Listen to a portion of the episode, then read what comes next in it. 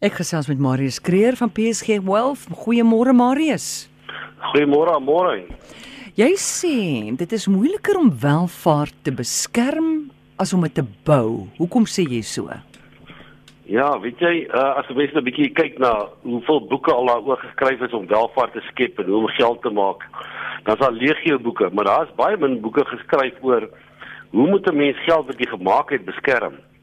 Uh as jy bietjie kyk na maatskappye in die FSA, 40% van die publieke maatskappye in die FSA het bankrot gespeel. Nou, as jy 'n publieke maatskappy geword het, dan het jy sukses behaal. Jy het besigheid gebou en jy het uh, bates opgebou en dit mense het natuurlik twee maniere om te dink. Die een manier, jy dink op 'n ander manier as jy geld maak as wat jy geld beskerm. En as jy geld maak, dan is jy optimis, jy vat 'n bietjie risiko's, jy het bietjie tyd aan jou kant, jy weet jy is jonk as jy 'n fout maak kan jy dit weer herstel, jy kan weer 'n ander ander plan maak vorentoe of 'n ander transaksie doen. En natuurlik het jy ook 'n bietjie geluk aan jou kant in hierdie proses om om geld te maak. Maar as jy rykdom begin beskerm, dan moet jy die teenoorgestelde gesindheid hê. Jy moet nederig wees. Jy moet amper paranoïes wees dat jy jou rykdom kan verloor. Jy moet ook besef dat jy gelukkig was in sommige transaksies wat ek net genoem het toe jy jou rykdom gebou het, jy was op die regte tyd in die regte plek. Uh, ek kan sê dat jy verskillende vaardighede nodig het om rykdom te beskerm as om dit te bou. Sommige net 'n voorbeeld, daar's 'n biljoenêr, Michael Moyes, wat 'n maatskappy in naam van Saula Capital besit. Sy antwoord op die vraag hoekom sy maatskappy na 40 jaar nog suksesvol was, het hy so geantwoord. Hy sê ek het nog altyd te vrees gehad dat ons uit besigheid kan gaan.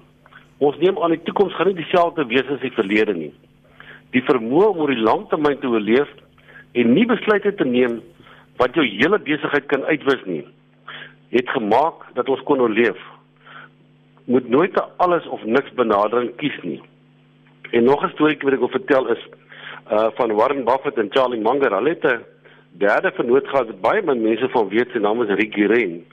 En Rick was nie minder suksesvol as hulle gewees nie. Hy het ehm um, net so net so goed geld gemaak en na 'n klomp jare wat hy nie meer deel van die van die vennootskap was nie het 'n het 'n verslaggewer vir Warren gevra maar wat het van Rick geword?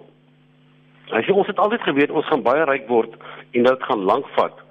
Rick het net soos ons dieselfde talente gehad om rykdom te skep, maar hy was te haastig. Hy het in 1973-74 marginale lenings, as mense direk vertaal as dit marginal loans gehad, toe die markte val en hy was te verplig om sy aandele wat hy in Berkshire Hathaway gesim het Warren Buffett gehad het teen 'n baie laer prys te verkoop. So sy ondergang was die feit dat hy nie geduld gehad het nie en dat hy vinnig wou geld gemaak het alhoewel hy weet hy het geweet oor die langtermyn gaan hy baie geld maak. En ek dink dit is dit dit dit sou miskien op ehm um, hoekom mense nie kapitaal kan beskerm nie. Mense raak ongeduldig. Hulle begin 'n kanse vat met hulle kapitaal en ja, dan dan ja kry mense dalk nie reg om jou kapitaal te beskerm nie. So ek dink is heeltemal 'n ander soos die Engelsman sal sê mindset of ingesteldheid wat jy moet hê wanneer jy uh kapitaal wil begin beskerm teen die tyd toe jy dit gebou het. Nou Marius, het jy daar 'n paar wenke oor hoe ons ons kapitaal kan bewaar? Ja, ek dink daar is 'n paar dinge. Ek het so 5, ek het so 5 dinge neergeskryf wat ek dink wat belangrik is. Ehm um, ek dink jy moet ook sien kapitaal bymekaar gemaak het of weet jy jy het nou jou jou rykdom gebou oor oor tydperk uh, en gewoonlik 'n lang tydperk. Dan moet jy besef dat jy nie nou kort kort termyn opbrengste soek of groot opbrengste soek oor die kort termyn nie. Daarmee saam gaan groot risiko's. As jy byvoorbeeld ehm uh, nou vinnig gehoor het van kriptos ek het byvoorbeeld 'n kliënt met my gebel en sê vir my maar hy toe seker 15 jaar 'n afgetrede kliënt en dit gaan goed met sy geld hy lewe goed Hy sê maar sy sê dit eintlik vir hom gesê van hierdie kriptos, wil nou 'n paar honderd duisend rand van sy geld vat en kriptos koop. Nou, ek meen alles het vir hom gewerk tot nou toe. En my advies van hom gewees, moet dit nie doen nie. Uh, en ek weet hy wou dit gedoen op 66000 uh dollar vir vir 'n Bitcoin en dan die ding het toe geval op sterre na 33000 toe weet hy nou weer oor die 50. Maar dit is hoogs spekulatief. So jy doen nie dit met jou geld nie of mense kom en sê maar ek dink ek kan nou ek moet hierdie woordselblok koop maar hy het eintlik nog nooit so 'n woordselblok besit nie hy weet eintlik nie wat daarmee saamgaan wat se moontlike onderhoud of uitgawes daarmee saamgaan nie ehm um, wat gaan belastings met hom doen in die toekoms nie ehm um, of mense belê geld in eiendomsindikasies. Ons het nou baie keer in die verlede gesien hoe mense geld verloor het. Pensionaarsse wat korttermyn opbrengste vinnig wou gesoek het of gehoor het van ongelooflike goeie opbrengste of baie hoë rentekoerse wat hulle spesifieke belegging kan kry en het hulle het hulle net daai geld verloor um, of hulle kon nie al hulle kapitaal terugkry nie. Ek sit gereeld met mense wat my kom sien en sê maar ons het nou net hierdie geld oor. Ons het nou in hierdie skema en daai skema het ons geld verloor.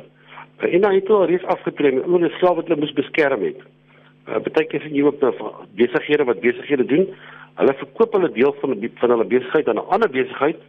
Uh ek dink die Stein of ehm um, transaksie was 'n baie goeie transaksie en of was 'n baie goeie voorbeeld daarvan en dan word hulle betaal in aandele. Nou voel dit mens goed want die aandeel van die ander maatskappy deel moontlik goed gedoen vir vir 'n tydperk en dan gaan daar fout met daai maatskappy en daai aandele se prys val so dat jy omtrent niks gekry dan kry vir daai deel van jou besigheid. Ek dink dit is 'n klomp van die van die foute wat mense maak oor die kort termyn. Ehm um, en as jy nou opbrengste soek oor die lang termyn, dan beteken dit jy moet nie groot opbrengste soek nie. Jy moet tyd koop aan jou aan jou kant, jy moet tyd hê en saamgestelde groen groei gaan dit vir jou doen. Uh baie keer mense as ons nou byvoorbeeld na die aandelebeurs kyk en daar's 'n bullmark en die aandelebeurs doen goed, dan wil mense al hulle geld in die aandelebeurs insit. Hulle wil nie kontant, wanneer jy kontant gee vir jou swak opbrengs, weet jy, kyk net maar 4% op 'n geldmark. Ehm um, maar daai kontant gaan jou help om te oorleef as jy nie jou aandele hoef te verkoop as die mark val nie. So daar's 'n manier om te om te gaan met risiko, veral as jy eers jou kapitaal gemaak het of jou jou welvaart geskep het. Uh dan jy spesifieke manier hoe jy omgaan met risiko. Jy kan nie dan al jou geld net in risikobate sit nie, maar die regte manier is ook nie om net konservatief te belê vir die res van jou lewe en besluit maar okay ek wil ek gaan alles doen net om nie kapitaal te verloor nie maar jy doen jy klop ook nie inflasie met jou geld nie. Ehm uh, dis ook nie die regte manier nie. So saamgestelde groei beteken jy moet nie jy moet uitstaande opbrengs kry nie. Dit beteken jy moet gereelde goeie opbrengste kry oor 'n lang termyn. Ek dink dis wat ons wil probeer vir kliënte uh, skep as sê maar ons wil bo-gemiddelde opbrengste hê. Ons wil dit konstant hê en as ons dit reg kry oor 'n lang termyn dan doen 'n ou baie goed met jou kapitaal. Ehm um, 'n ander punt wat ek ook wil noem is dat wanneer mense beplanning doen, is dit is dit belangrik om te beplan dat jou plan nie volgens plan gaan verloop nie. Dit klink nou baie snaaks. Hmm. Ehm um, hoekom sê ek so? Sê wanneer mense beplanning doen vir jou aftrede, maak jy gewoonlik sekere aannames vir inflasie. Jy sê gewoonlik, man, ek dink inflasie gaan plus minus 5% wees groei in sekere bateklasse, kom ons sê eiendom gaan vir jou dit gee, aandele gaan vir jou dit gee en jy werk jou plan uit en volgens die huidige scenario lyk dit of hierdie plan perfek gaan werk. Maar muntplanne oorleef gewoonlik die realiteit indien ons na 20 jaar scenario kyk. Ehm um, wie het 11 September voorspel? Wie het die subprima krisis bestel bes, voorspel? Wie voorspel dat COVID ehm um, 'n klomp besighede gaan laat toemaak? Ehm um, 'n klomp maatskappye waar waar jy kon belê wat ewe skielik baie swak doen as jy byvoorbeeld 'n eiendom belê het jy nou eintlik baie swaar gekry die afgelope 2 jaar. So jou plan moet dus die realiteite van die wêreld kan weerstaan as ook die onsekerhede. Uh jou plan moet dus passief veranderinge insluit. Dit is nie dieselfde as om net konservatief te belê soos ek net gesê het nie. Dit is om 'n veiligheidsnet in te bou in jou beplanning vir die krisisse en onsekere tye. Wanneer jou plan moet jy kan aanpas en jou strategie moet verander uh om te oorleef. Ek sê altyd jou strategie verander, maar beginsels bly dieselfde. Met ander woorde, daar's 'n sekere klomp beginsels wat 'n mens toepas as jy 'n brug bou. As jy dit nie doen nie, dan gaan die brug nie hou nie. En dis maar dieselfde met beleggings. Beleggings het jy sekere beginsels wat jy nie oorboord gooi nie en uh dit is anders as strategie. Die strategie gaan verander want die wêreld lyk nie dieselfde nie. Inflasie verander daar's ander produkte wat moontlik beskikbaar is wanneer jy na 5 en 10 jaar kyk wat jy nie gehad het keuses wat jy nie gehad het toe jy begine belê het nie. Uh, daar's nuwe markte wat vir jou oop gegaan het wat jy nou moet kyk. So ja, jy gaan jou strategie verander langs die pad. Maar uh jou plan voorsiening maak dat daar krisisse gaan kom. En uh, dis maar net een van die punte wat ek wil uitnoem. En dan moet ek mens ook besluit dat as alles nie volgens plan verloop nie, ehm um, jy wil oor die lang langtermyn wil jy sekere uit, uitkomste hê, maar die korttermyn dinge kan dinge verkeerd loop. So jy moet begroot in jou beplanning dat korttermyn ehm uh, skokke moet jy kan oorleef. Met ander woorde, jy moet in jou beplanning moet jy eintlik 'n veiligheidsnet skep wat jou beskerm oor die korttermyn. Ehm um, indien jy die korttermyn groot winste jag, najag, spekuleer jy, dan moet jy weet daai gedeelte van jou kapitaal is op risiko. Wat ek net nou weer gesê het was moenie 'n deel van jou aftreegeld probeer uithaal waar jy nou miskien 8 of 9 of 10% opbrengs kry en dit wil gaan ingooi in iets wat jy dink wat vir jou oor die kort termyn 30% ehm um, gaan doen nie want as jy dit as dit nie vir jou werk nie en daai gedeelte van jou kapitaal verloor jy in jou in jou in jou plan dan as jy onder druk om of op ander nog planne te maak of om jou lewensstandaard drasties te sny uh en niemand wil dit graag doen as jy eers afgetree is nie. Uh nog 'n punt wat ek net wil noem is dat weet, dinge wat gister gewerk het, werk nie noodwendig môre en vandag nie. Baie keer het mense hulle welvaart op 'n spesifieke manier gebou. Party mense het hulle welvaart gebou met eiendom of kommersiële eiendom. Um en dan het hulle geglo dit is die enigste manier wat om geld te maak. Mense sê of jy sê man ek wil 'n eiendom en dit is hoe ek geld gemaak het. Ek gaan nooit iets anders doen nie. En laas jaar met Covid sou 'n groot deel van hulle inkomste asook kapitaale waarde verloor het. So om al jou eiers in een mandjie te gaan sit nadat jy afgetree het, ten spyte van die feit dat jy goeie dalk baie goeie ervaring gehad het daarmee in jou lewe, dink ons nie dis baie wys nie. Ehm um, het baie keer laat jy net sommige adviseurs mense aangeraai om hulle kapitaal oor see te neem om alles uit te vat teen R17.20 teenoor die dollar. Uh mense het verstel, verstel die rand nooit gaan versterk nie. Ons weet die rand het gedraai by R13.20, maar hm Hy's nou by 14.90 15 rand. En die ding het gedoen het laas jaar. Het jy net 15% van jou kapitaal verloor. So met mens moet nooit alles of niks scenario's kies met beleggings nie. So ek sê altyd mens dink jy weet, maar jy's nooit seker jy weet nie. So as jy navorsing gaan doen en hier lyk iets vir jou baie aantreklik, moenie al jou geld daar weet nie. Uh vat 'n gedeelte van jou kapitaal, maak seker wat is die risiko waarna jy jou geld belê. Uh en natuurlik ook wie wie kyk na jou geld? Ehm um, dis 'n belangrike ding om te sê maar as ek dan my geld vir iemand gee wat my geld gaan bestuur, uh, hoe monitor ek daai spesifieke mense? Met ander woorde, hoe kies ek hulle in die begin?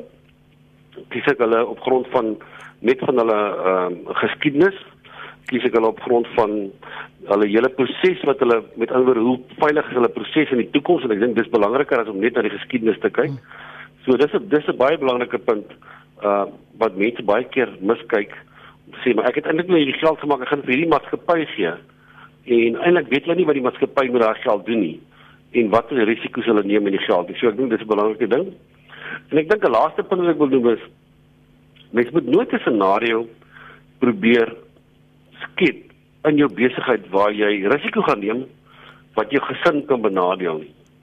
En daarmee wil ek miskien net 'n paar voorbeelde noem. Ek sien baie keer sakemanne wat baie suksesvol is en wat beleggings doen in besighede wat hulle nie ken en en, en wat baie winsgewend lyk. So 'n persoon het nou sy besigheid verkoop, hy het afgetree of hy het 'n groot uit 'n groot pos gehad by 'n maatskappy, baie groot pensioen gebou het ook 'n klomp ander diskresionêre geld. Nou kom hy na aftrede en nou is hy bietjie verveeld en nou kom mense na hom te sê maar het, ons het nou hierdie nuwe ontwikkeling wat ons wil doen.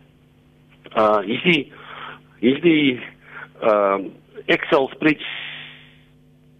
Wat en dit lyk of ons hierdie winste gaan maak. En dit, dit lyk altyd hierdie goed lyk altyd baie goed. Ek het dit al baie baie gesien mense wat vir my geleenthede aangebied het. Op daai stadium lyk dit vir jou net dis eintlik dis eintlik 'n maklike besluit om te maak want dit lyk nie of jy nie kan geld maak nie.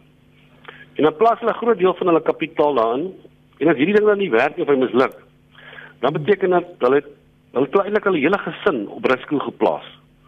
So moet nooit 'n risiko gaan neem wat jou gesin kan benadeel. Met ander woorde, as jy so groot transaksie doen en dit werk nie, moet dit nooit jou gesin kan benadeel nie. Laat jy in 'n situasie is waar ek nou my huis moet verkoop of dalk ehm uh, gedwing word om na 'n hmm. tuiner plek te gaan of na uit hierdie dorp uit te trek, die dorp is met 'n dier, ek moet nou iewers in die platland 'n goedkoop huis gaan soek om net te oorleef. En dis foute wat mense maak wat waar ek gewoonlik sien waar mense hulle kapitaal verloor. Ehm um, en natuurlik moet jy kyk na jou spandeerpatrone. Jy weet, as 'n mens kapitaal bou en jy wil vinnig iets koop, dan is dit maklik om dit te koop want jy weet altyd daar's nog 'n ding wat daar's nog 'n transaksie wat gaan kom. Daar's bonusse wat jy gaan kry. Uh dis goed wat nie meer daar is as jy nou opgehou werk het nie en jy het nou net hierdie kapitaal wat jy moet beskerm. So dis jy moet jou spandeerpatrone moet verander as jy eers kapitaal begin beskerm as toe jy dit gebou het. En dit is nie maklik nie want dan mense het maar 'n manier hoe jy dink oor goed en jy het 'n manier hoe jy uh geleenthede sien. So jy ou is wat altyd geleenthede raak gesien het en jong as jy nou dink jy sou hier geld te maak, daai jy maar ons gevat en net so net tyd het dit gewerk. Dis moeilik om dit uit jou stelsel uit te kry want nou moet jy anders te begin dink. Jy moet net vir jouself sê, nee, ek gaan nie hierdie goeie doen nie. Ek het net hierdie kapitaal wat ek nou het. Dit moet beskerm word in alle kostes. Ek gaan nie groot kanse vat met hierdie geld nie.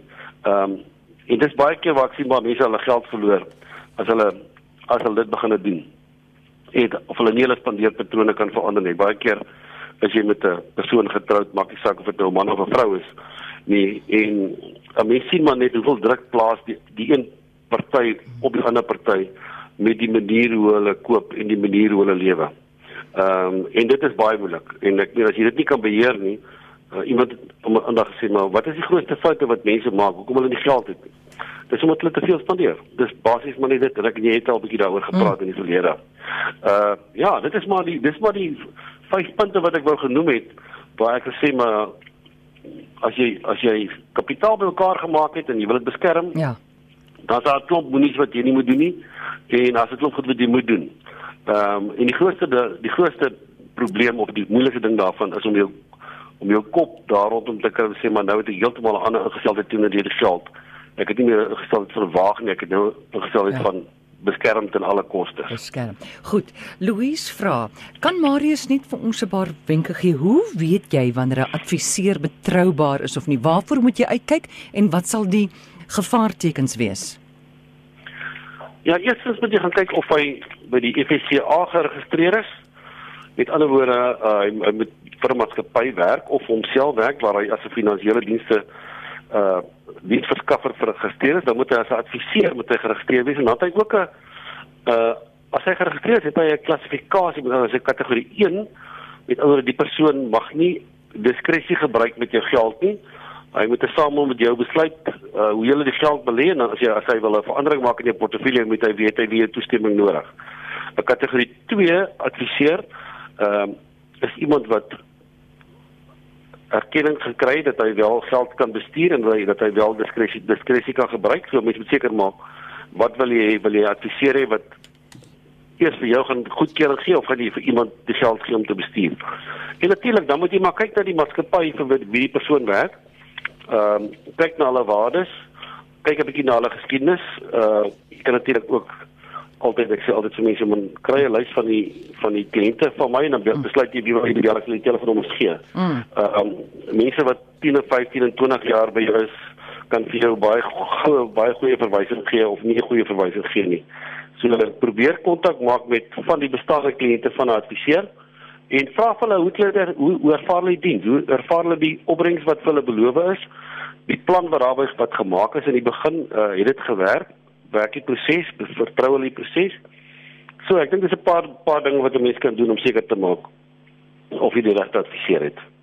Goed, Chris Prins wil weet is staatseffekte dieselfde as SA retail bonds en hoe kry 'n mens staatseffekte in die hande? Uh nee, SA retail bonds is 'n spesifieke effek wat jy by die poskantoor kan koop. Ah. So jy kan sou toe gaan en jy kan dit gaan koop.